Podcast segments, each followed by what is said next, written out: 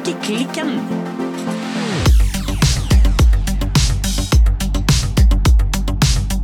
Hei, Birte. Hallo, Silje. Og hallo, Ingunn. Hei, Birte. Og hei, Silje. Velkommen til strikkehytta. Tusen takk. Ja, som vi annonserte i forrige episode, så har vi i dag storveis besøk i eh, selveste strikkehytta vår. Jeg tenker, Ingunn, du kan få lov å rett og slett bare introdusere deg sjøl. Ja, jeg heter Ingunn Grimstad Klepp, og jeg er professor i klær og bærekraft på Forbruksforskningsinstituttet SIFO på Oslo OsloMet. Vi har jo referert eh, til ditt navn og til dine bøker, og spesielt Norsk strikkehistorie. Ja, den har vi tidvis referert til som eh, bibelen vår. Det var jo hyggelig. Men du er jo også veldig aktivt eh, ute, og du kommenterer veldig ofte på artikler som vi fatter interesse for, så er du ofte brukt som eh, kilde på ganske mye forskjellig. Altså, I mitt hode så er jo du si, gudmoren for alle kildene våre. Hver gang jeg skal lete fram et eller annet på SNL, eller et eller annet sånt, så er det altså forfattet av Ingunn Grimstad Klepp. Så det er en stor ære å ha deg i studio, altså. ja, takk. det er det absolutt. Og jeg lurer litt på, Ingunn, har du lyst til å fortelle litt om deg sjøl? Ja, det kan jeg kan fortelle hvor mye dere vil. Og jeg går ut fra at du er mest opptatt av, eller det du tenker på er meg og strikking. Eller forskningen også, kanskje. Ja, um, ja jeg er uh, vokst opp med garn og ull rundt meg. Og jeg har en mor som uh, videreutdannet seg fra maler til formingslærer mens jeg var barn. Og både hun og, og andre slektninger hadde ofte håndarbeid i hendene. Mm. Ja, så jeg kan egentlig ikke huske at jeg ikke ikke har vært opptatt av nål og tråd eller garn og strikkepinner og heklenåler. Det er så langt tilbake som jeg kan huske. Ja. Eh, og jeg var opptatt av mange teknikker, og er opptatt av mange teknikker. Mm. Eh, så det er ikke slik at jeg var spesifikk opptatt av eh, strikking. Eh, jeg tror kanskje at hvis jeg skulle si én teknikk jeg var særlig opptatt av, så var det kanskje heller hekling og ja. vev. Mm. Og en fascinasjon for tråden. Enten det nå er i broderi, eller det er i å, å, å føye den sammen til, til, strukturer av alle slag.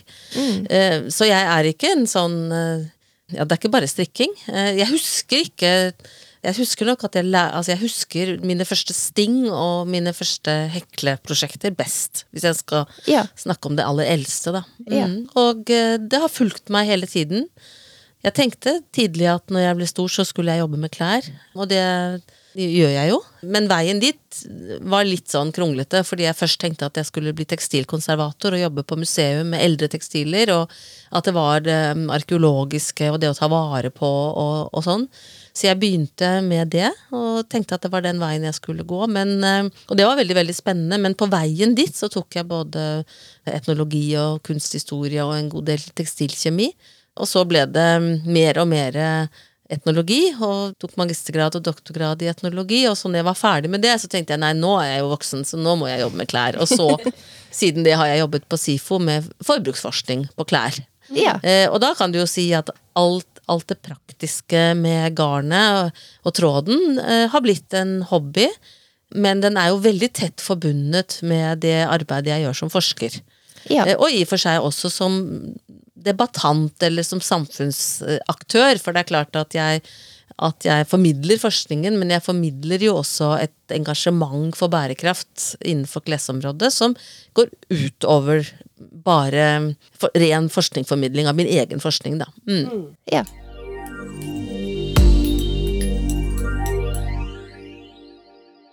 Du nevnte nå innledningsvis at uh, strikkinga kanskje var blitt mer en hobby for deg, altså den praktiske strikkinga, men strikker du? Ja, jeg strikker, og jeg, jeg gjør alt det andre òg. Jeg ja. både hekler og strikker og, og, syr og Ja, jeg vever av og til, men ikke så mye. Og jeg broderer. Ja, jeg gjør ja, alt. Så ja, du, og strikker. Du liker å bruke hendene dine? Jeg liker eh, absolutt å bruke hendene mine. Ja. Og så lurer jeg litt på, for eh, du er jo da forsker og professor, og så har jo du skrevet for eksempel dine norsk strikkehistorie. Men når ble du interessert i strikking, og da spesielt eh, norsk strikkehistorie? Ja, eh, jeg har jo vært opptatt av historie alltid. Mm. Og jeg har et historisk fag. Jeg er etnolog. Altså det er et kulturhistorie, da. Mm. Og jeg, jeg, er opptatt av den måten vi bruker klær på, og også hvordan klærne er forankret i historien. Så det er ikke slik at jeg ble opptatt av, av, av strikkehistorie. Jeg så det var et, et hull. Det var en mm. mangel på det tidspunktet som jeg og Tone Skårdal Tobiasson bestemte oss for å skrive norsk strikkehistorie. Så var det jo ikke skrevet en strikkehistorie på 30 år eller noe sånt. Nei. Og det manglet jo altså det mangler jo fortsatt grunnleggende forskning om strikkehistorie.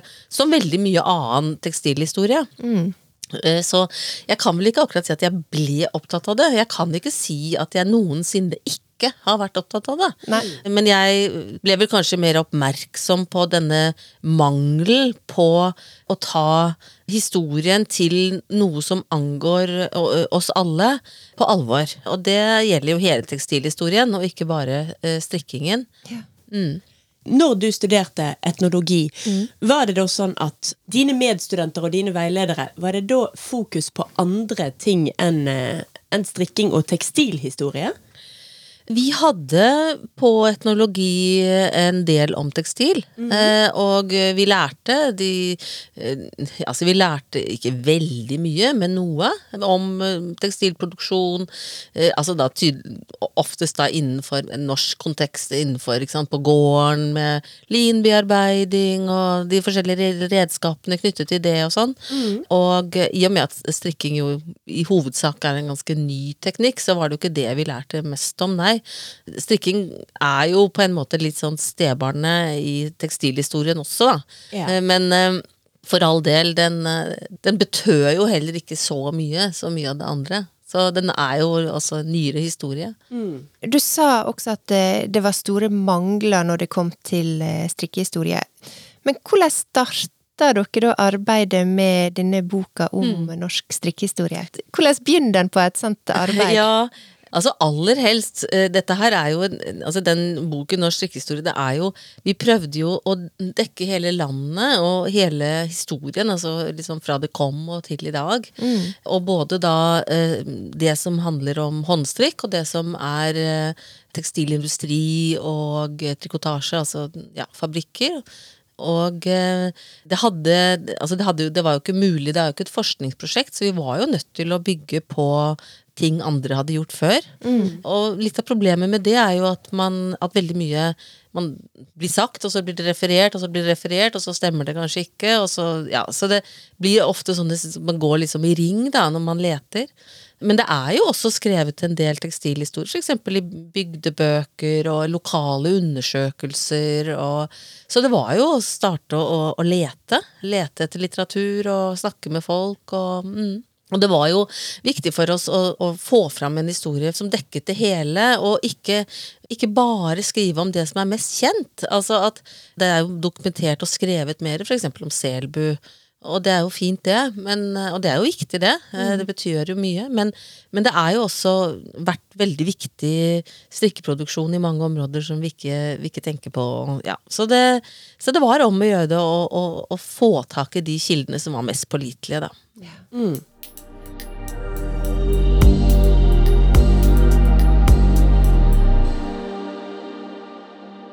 I Strikkeklikken så har jo vi snakket mange ganger om norsk strikkehistorie. Og vi har jo nå en serie hvor vi dykker litt dypere i det. Så Birte og meg føler at vi kan ganske mye om dette. Men mm. for liksom nye lyttere som kommer inn, da må jeg nesten stille det åpenbare første spørsmålet også. Ingunn, mm. Når var det vi begynte å strikke i Norge? Ja, det er jo et spørsmål som jeg har fått mange ganger. Og, eh, og svaret er vel at, jeg, at, det er jo ikke så lett å svare på det. For hvem er vi? Ikke ja. sant? Eh, mm. altså, hvem, vi, hvem, er det vi snakker om eh, når vi sier vi?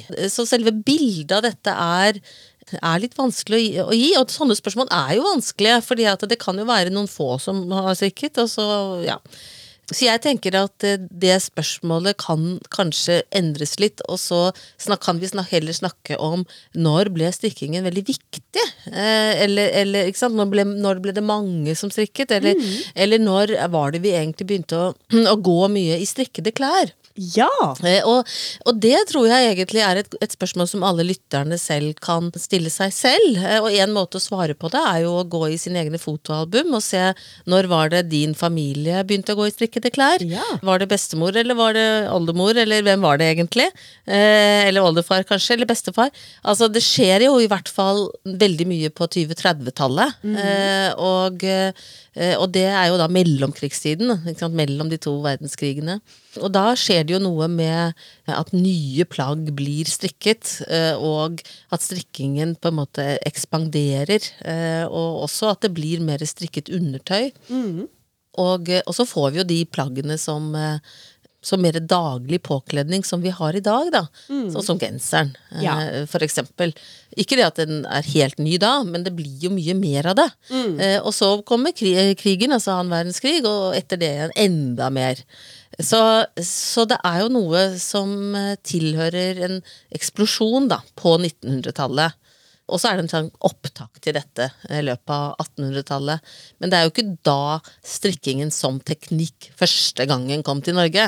Nei. Nei. Så, det, så, så svaret på spørsmålet ditt er det ikke, men jeg tenker at vi at vi i hvert fall kan holde fast ved at det skjer en eksplosjon da. Og jeg tror jo at mange, hvis de ser i gamle album i sin egen familie, kan finne ut når de selv finner slektninger i strikkede klær. Og da tenker jeg på noe annet enn sokker ja. Eh, og luer, da. Ja, som jo, og, og votter. Ja. Ja, og disse luene Ja, luene, vottene og i hvert fall sokkene er kanskje ikke med på de eh, litt sånn oppstilte familiebildene.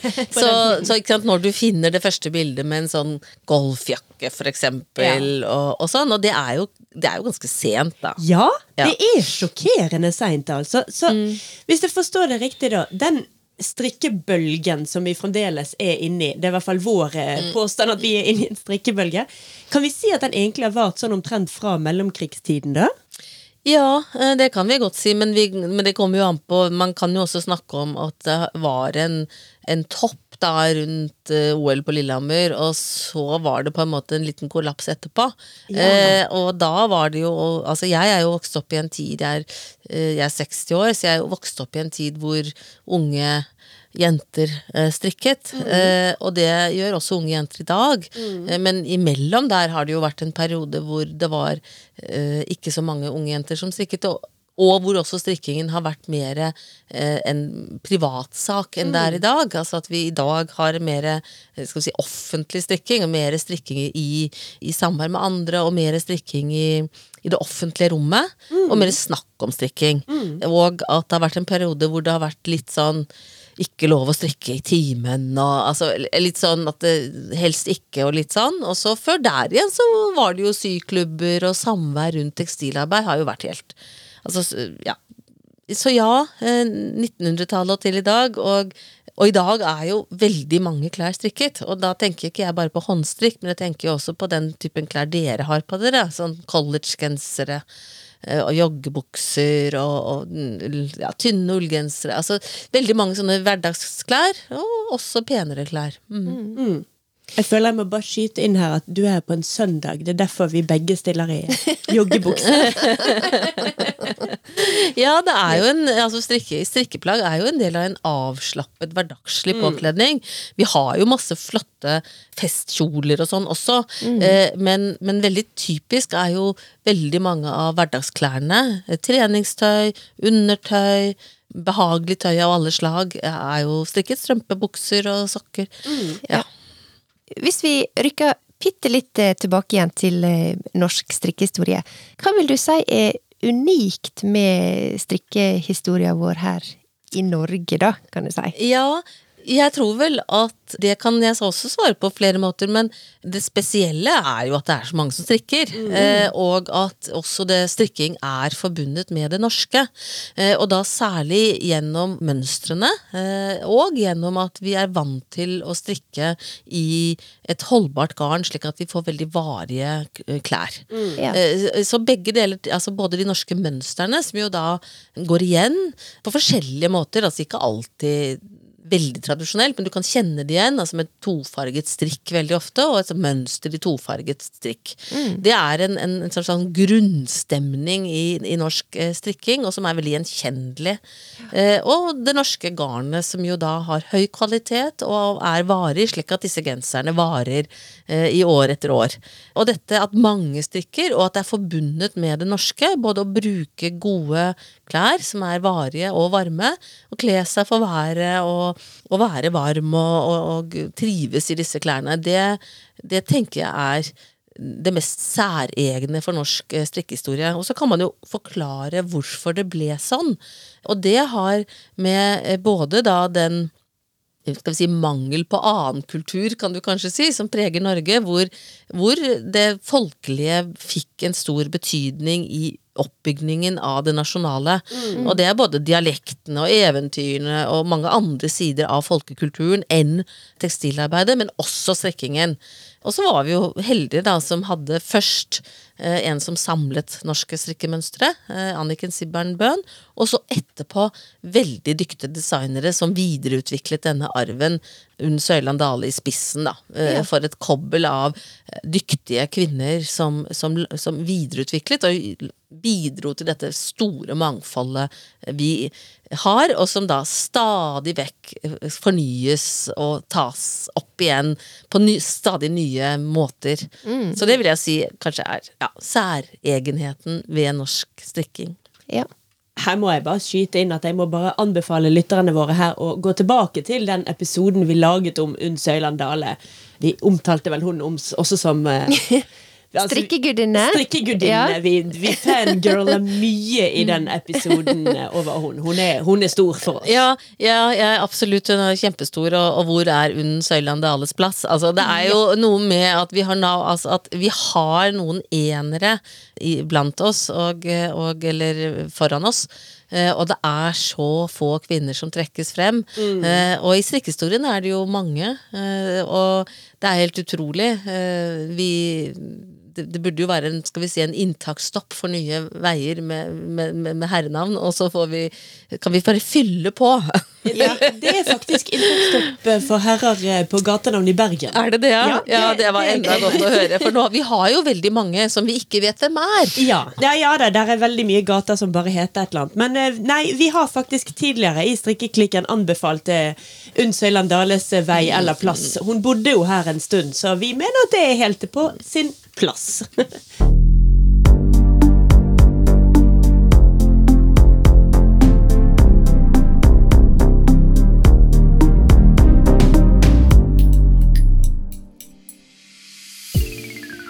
Denne uken er Strikkeklikken sponset av Bergens strikkemarked.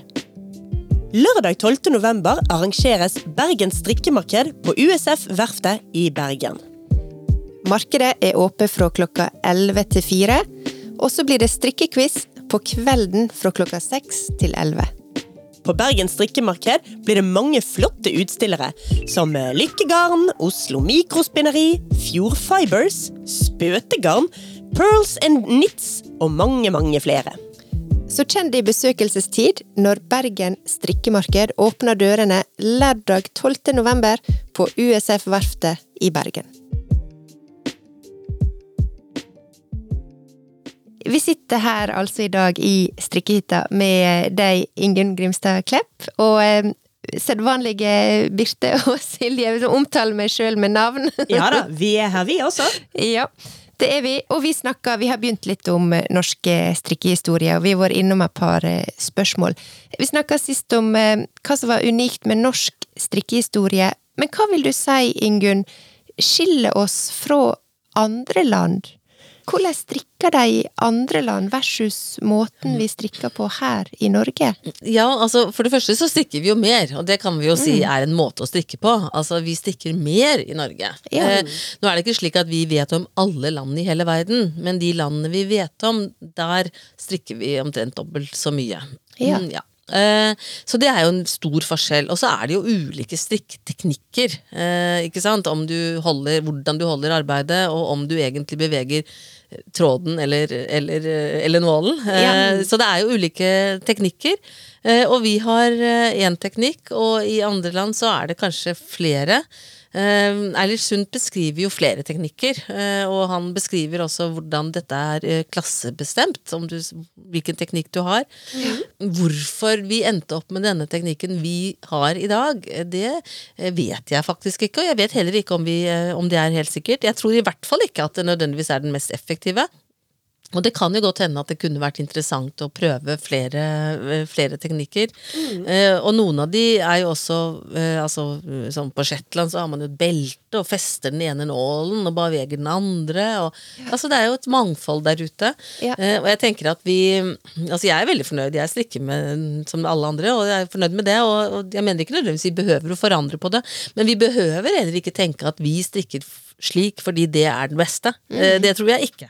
Nei. Jeg tror det er en, en, en, en forklaring her som jeg bare ikke kjenner, og jeg vet heller ikke om vi vet hvorfor de ulike teknikkene har ja, spredd seg slik de har blitt, eller endt opp der hvor de er, da. Ja. Vi pleier vel egentlig å omtale den engelske måten å strikke på som den feile. Men eh, jeg tror du har et godt poeng her med at det finnes ikke noen feil måte å strikke på. Det er bare litt annerledes. Men vi sier jo også at de kjører på feil side av veien, da, så Ja da, nei, altså feil og riktig. Det er, eh, det er som regel mange måter å gjøre ting på. Mm. Og eh, det kan jo eksempel hende at i en del situasjoner så vil andre teknikker Altså vi er jo også forskjellige, vi mennesker, så det kan jo også hende at noe passer bedre. Og det at det er ulikheter kan være en fin ting, da. Men du nevnte Eilert Sundt her. Om du kunne bare utdypet litt og fortelle litt om eh, vår, store, vår store far, Eilert Sundt. Ja, vår store far, ja. Eilert Sundt. Ja, eh, han eh, var altså en forsker som var opptatt av folkelivet. Mm. han var opptatt av å beskrive kulturen. Og han jobbet med feltarbeid, han reiste rundt, men han jobbet også med å samle inn skriftlig materiale, og da gjerne fra prester. Han var utdannet prest selv, mm. og nå er vi på 1800-tallet. Han skrev sine viktigste bøker på midten av 1800-tallet, Mm. og han skrev mange bøker som angår oss som jobber med klær og tekstiler. Han var opptatt av rensligheten, Ja. eh, altså hvorfor eh, ulike sykdommer spredde seg, hvorfor det var mer sykdom i noen områder enn andre. Ja, ja, han var veldig Eh, viktig for leprahistorien. Veldig viktig i leprahistorien, ja. Eh, Og han hadde Han var grundig. Han stilte åpne spørsmål og var opptatt av å ikke dømme, men å se, på, se og forstå. Og han tok også da folk flest i forsvar. Så både i denne boken om rensligheten, men også en bok som handler om husfliden, som handler om, om veldig mye om hva som ble produsert i Norge, og, og hvordan man kunne bidra til å forsterke skal vi si, selvforsyningen, og dermed også motvirke fattigdom. Og han var opptatt av underprivilegerte grupper i samfunnet, og deres liv eh, og muligheter. Så han gjorde veldig mange spennende undersøkelser, og som klesforsker da, så er det jo er det få andre som har gjort noe bedre enn han, da, Ja. eh, må jeg jo virkelig si. Så når jeg har jobbet historisk innimellom, skrevet jeg har også skrevet en bok som heter Skittentøyets kulturhistorie, for eksempel, så er det veldig naturlig å begynne med Eilert Sundt, for da er det Han er akkurat som et gulv å stå på. Altså han han beskriver ting nøye og ordentlig, og så kan man starte der, og så kan man se senere. Og så er det mange huller i historien vår, men han, han bidrar da til at det i hvert fall er et, et fast punkt da, å, å begynne på, for det er veldig ordentlig det han gjør. og Han er veldig opptatt av å skille mellom det han ser og lærer om folk, og det han tenker, de teoriene han får på grunnlag av det han ser. Ja. Og det er veldig spennende da, som forsker, at man ikke liksom dømmer med en gang, men at man faktisk observerer og beskriver, og så etterpå kan man prøve å, å forstå det. Men også helt fantastisk at han gjorde det så tidlig. Det setter jo en helt fantastisk forskningstradisjon i gang. Ja, det gjør det, og det er jo også lurt å tenke på at vi eh, Altså, vi er ikke blitt noe smartere, vi folk, da. Sånn at det er ikke noen grunn til å tro at, eh, at, at det var noe dårligere Nei. eh, enn det vi gjør. Så kultur endrer seg, men eh, vi gjør akkurat like mye rare ting nå som vi gjorde før. Bare litt jo- andre. Og så må det jo ha vært hardere å gjøre det på Eilert sin tid, for han må jo ha dratt rundt. Han kan ikke akkurat ha tatt noen telefoner og gjort ting litt enklere. Han gikk jo virkelig fra bygd til bygd. Ja da. Eh, Han reiste mye rundt, og det var nok en, en møysommelig affære. Men han skrev jo også brev, da, og fikk beretninger, som han kaller det. Så, så han innhentet jo også materiale fra områder han ikke var. Ja.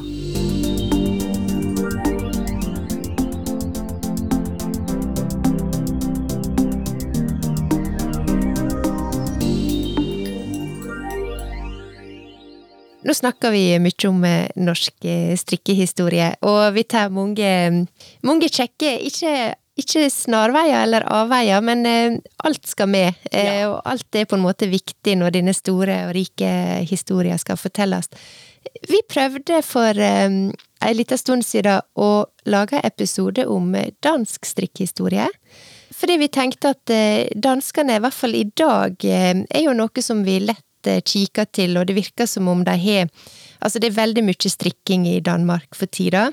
Det er i hvert fall det inntrykket du får gjennom eh, internett og eh, de plassene vi eh, ofte henger. Men når vi skulle liksom gå litt eh, dypere der, så var det veldig lite å finne. Og du sier at i Norge så var det store mangler. Jeg bare hadde lyst til å spørre litt, veit du noe om, om danskenes strikkehistorie? Nei, eh, det gjør jeg ikke, og jeg er enig med deg. Jeg tror at, eh, at det er mange store hull i, i tekstilhistorien vår eh, i det hele tatt. Og, så, det, så svaret er egentlig nei, det vet Nei. jeg ikke så mye om. Nei.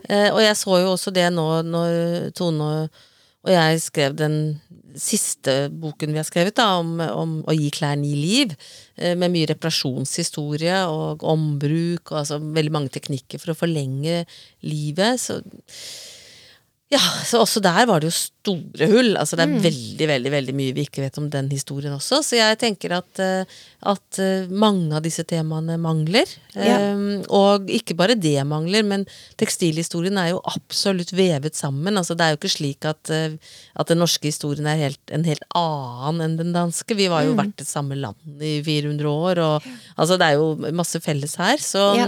og disse, altså forholdet for eksempel mellom strikkingen på Island og på, i Norge Ja, altså det er mange sånne ting også da, som handler om forholdet mellom land. Så nei, så det er Jeg tenker at det er veldig mye ugjort, og at jeg håper at, eh, at vi får bedre tekstilhistorisk forskning med mange temaer. Både nær historie og, eh, og det fjerne, da. Ja, for at eh, vår slutning, logiske slutning der, det var jo at i Danmark så strikker de veldig mye, ergo så må de ha ei rik og veldokumentert eh, strikkehistorie. Men nå bekrefter du altså at eh, det er nok mest sannsynlig ganske store mangler der, men samtidig Men jeg har jo heller ikke satt meg ned og prøvd å finne Neida. det fram, da. Så det, det kan altså det, det er jo også sånn at du, du må jo lete litt da, for å Ja. kunne si noe med sikkerhet. Men jeg tror nok at vi har store hull, da. Ja. Ja. Men det er interessant det du sier, at eh, vi var jo det samme landet, så en kan jo sikkert på det viset si at vi deler sikkert en del eh, tradisjoner også. Og så snakker vi litt om hva som kjennetegner norsk strikking. For at eh, når jeg lagde disse spørsmåla om for eksempel hva kjennetegner norsk strikking og norsk strikkehistorie, så tenkte jeg mer sånn Jeg merker på svarene dine nå at eh, jeg tenkte litt mer sånn visuelt. Hvordan ser det ut? Hva er det vi på en måte tradisjonelt har strikka? Men du sier at noe av det som kjennetegner mest, er at vi faktisk strikker så mye. Altså det går på um, oppførselen vår, eller måten vi behandler strikketøyet på, da. Men hvis vi skal gå litt mer inn på den visuelle stien, hva kjennetegner norsk strikking eh, da? Ja, det, er det strikkes jo mye forskjellig i Norge i dag, og det har det jo vært gjort også før. Mye har jo vært eh, enkelt eh, grått, eh, ufarget undertøy av grå sauer, og- eller hvite for den saks skyld. Um, men det som er mest kjent, er jo da tofarget strikk, altså det å strikke med to uh, farger uh, i en, et kontrastmønster. Uh, rette masker og mønstre dannes gjennom kontrast mellom mørkt og lyst, eller etter hvert da mellom farger. Slik det eksempel er rikt utviklet i selbustrikk, eh, er jo dette tofargete. Eh, Ja. Og, der, eh, og dette er, danner jo grunnlaget for veldig mange, mange strikkemønstre.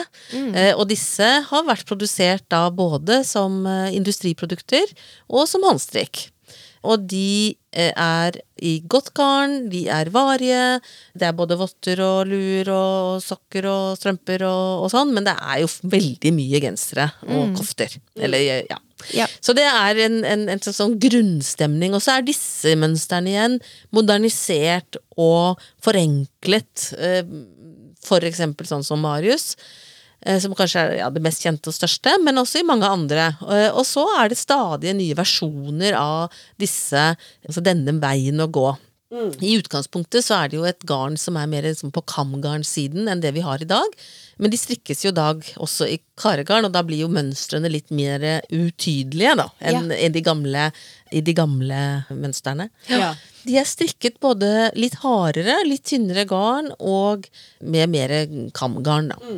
Og så tenkte jeg, hvis vi hopper litt eh, fram til i dag eh, Nå eh, definerte jo Silje, eller eh, i stad, den her strikkebølga vår til å ha startet i mellomkrigstida. og Sånn omtrent. Det var litt, litt altså. og vare helt fram til i dag. Eh, Vi har jo snakka en del om liksom den her nye strikkebølga, og da snakker vi kanskje spesielt eh, litt sånn de siste åra.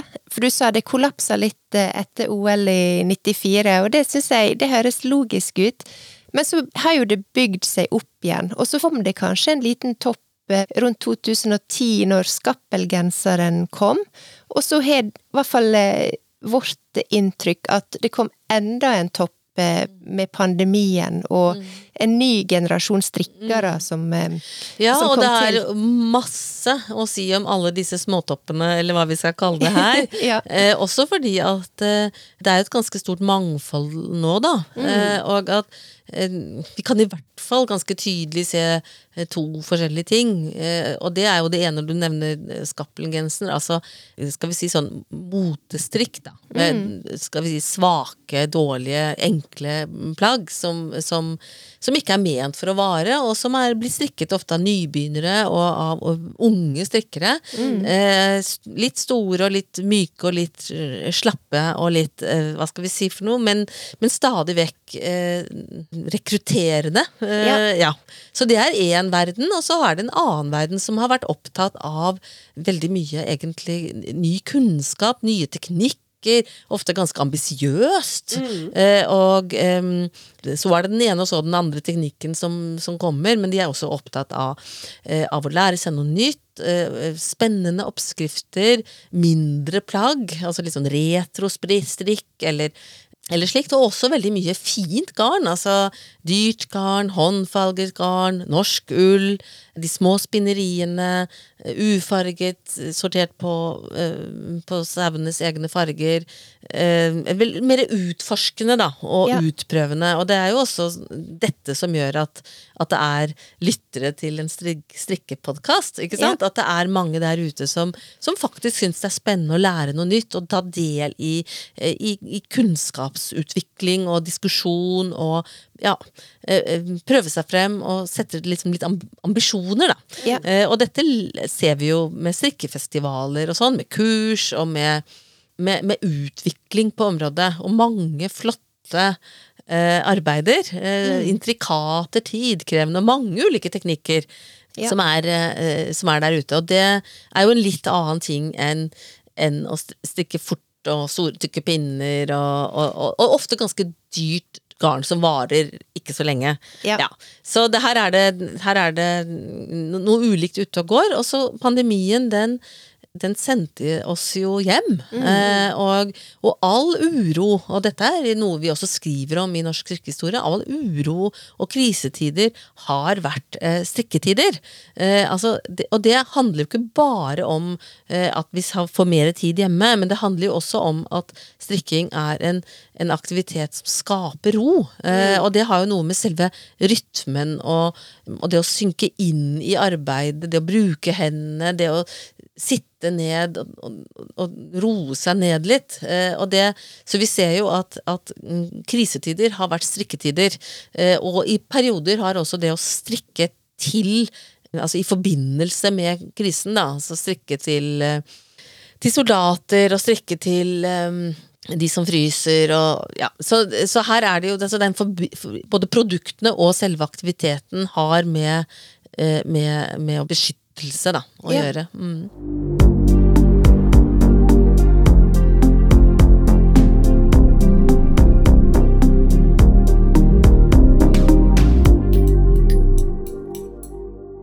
Men Ingunn Grimstad Klepp. Altså, For et par uker siden så var vi eh, på besøk hos Bryggen museum og så på disse eldste strikkede fragmentene som vi har i Norge. Og da lærte vi jo at eh, disse fragmentene var ikke strikket i Norge, de var importert. Primært av hanseatene, trolig.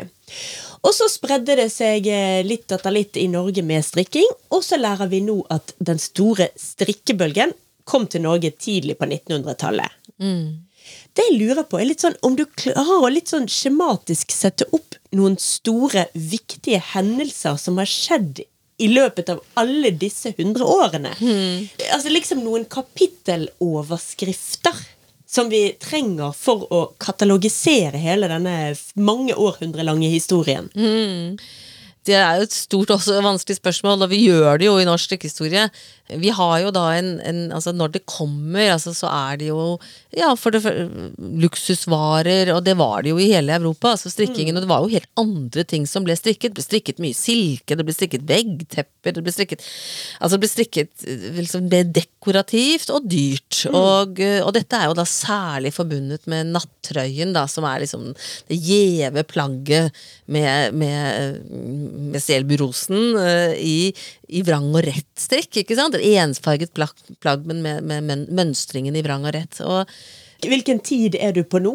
Ja, nå er jeg ekstremt dårlig på årstall, så at jeg egentlig burde ha de foran meg for å ta årstall. For det sånn går sånn i- 1700-tallet-ish? ja, og og, vi har jo også noen kilder tilbake til 1600-tallet, men hvis vi skal ha de årstallene, må jeg ha foran meg, for ellers går det helt i surr. Jeg er veldig dårlig på å snakke om årstall. Jeg trenger bare sånn århundre jeg, altså, Ja, for å ja. sette det i settekassen min. Ja, ja.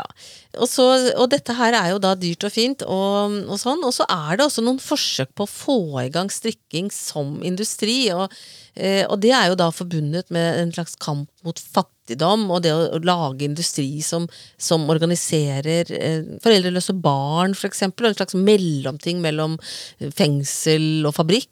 eh, Og, og sånn, Så det er jo noen forsøk liksom, på å få i gang eh, strikkeproduksjon. Men de eh, Snakker vi nå om strikkemaskiner, eller satt disse barna med håndstrikk? Nei, da snakker vi om strikkemaskiner. Men strikkemaskinene er jo i og for seg en veldig gammel oppfinnelse, da. Ja.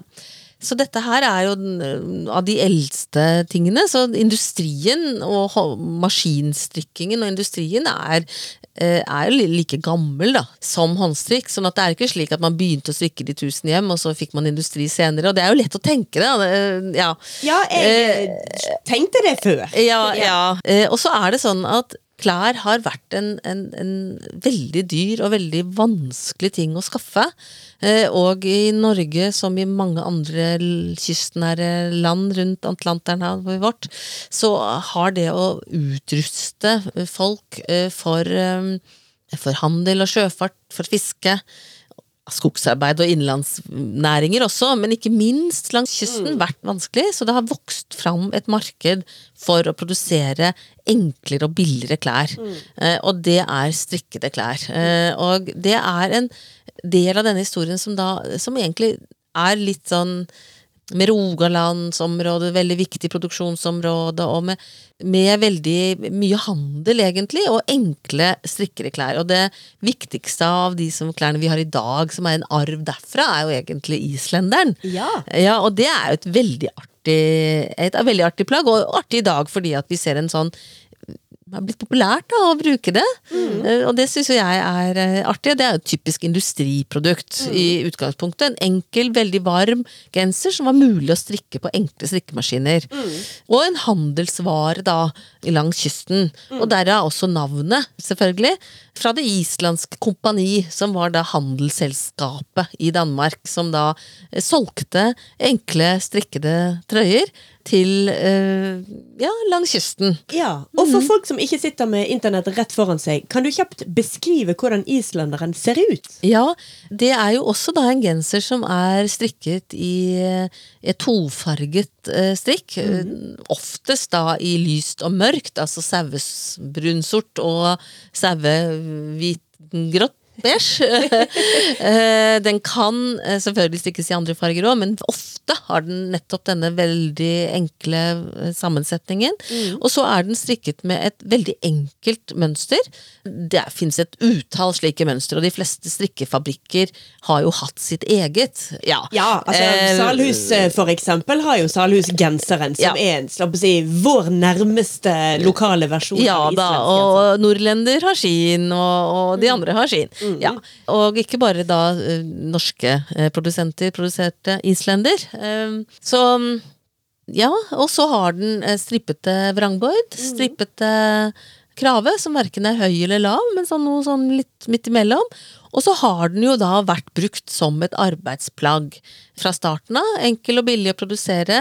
Rett, altså det er bare, det er bare rett opp, og det er jo bare liksom én bol som er rund rett opp, og så er det klippet og satt i altså Det, Det er ikke noe jålete innsvingninger og Ikke mye fiksfakserier eh, er det i en islender. Her skal ingenting fremheves. Nei, her er det enkelt. Og, og den har jo nettopp fordi den i utgangspunktet, tenker jeg da, er et arbeidsplagg, så er den jo forbundet med eh, med, med både med protest og med vanlige arbeidsfolk. Og det har, så den har jo vært mest brukt både blant folk med eh, interesse for miljøvern, men også på venstresiden.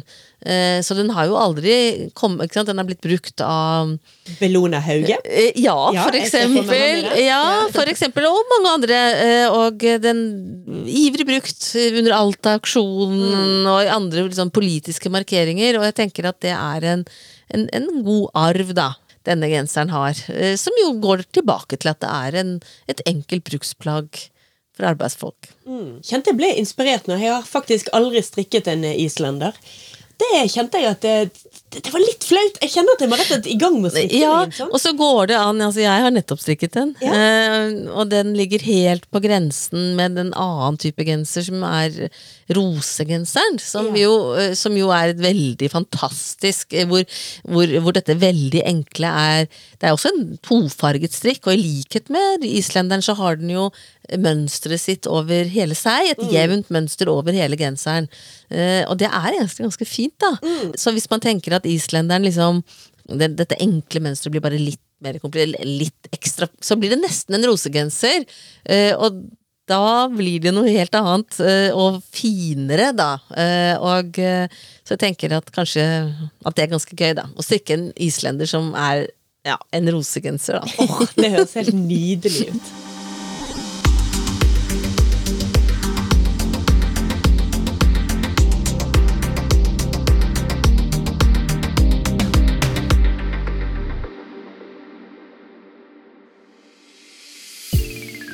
Denne episoden av Strikkeklikken er sponset av Fjordfibers.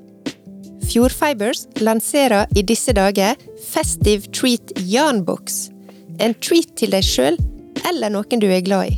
Ja, du vet, En sånn gave som du kan åpne på julaften når julestresset og julesjauen er over. Når julemiddagen er fortært og gaven er åpnet.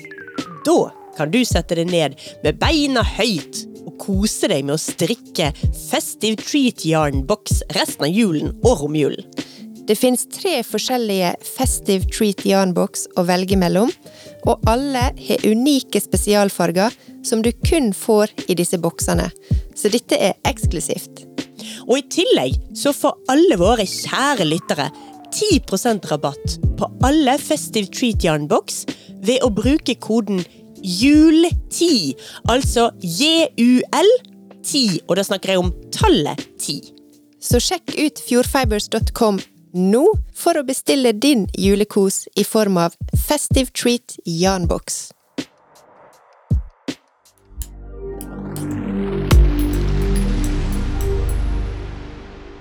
Da er vi ferdig med del én av eh, denne samtalen, vil jo jeg si. Du er et orakel, eh, Ingunn, å sitte og høre på. Vi kunne ha sittet her eh, i hele kveld. Men nå avslutter vi eh, denne episoden, og så vil jeg bare si tusen takk for nå. Ja, Denne her samtalen som vi har med Ingunn Grimstad Klepp, den fortsetter altså rett og slett neste uke. Da er det egentlig bare til at vi må oppfordre folk til å tune inn neste uke og høre videre om oss som snakker med orakelet vårt. Ja. Da gjenstår det rett og slett bare å si ha det på badet, og vi høres igjen om en uke. Ha det bra.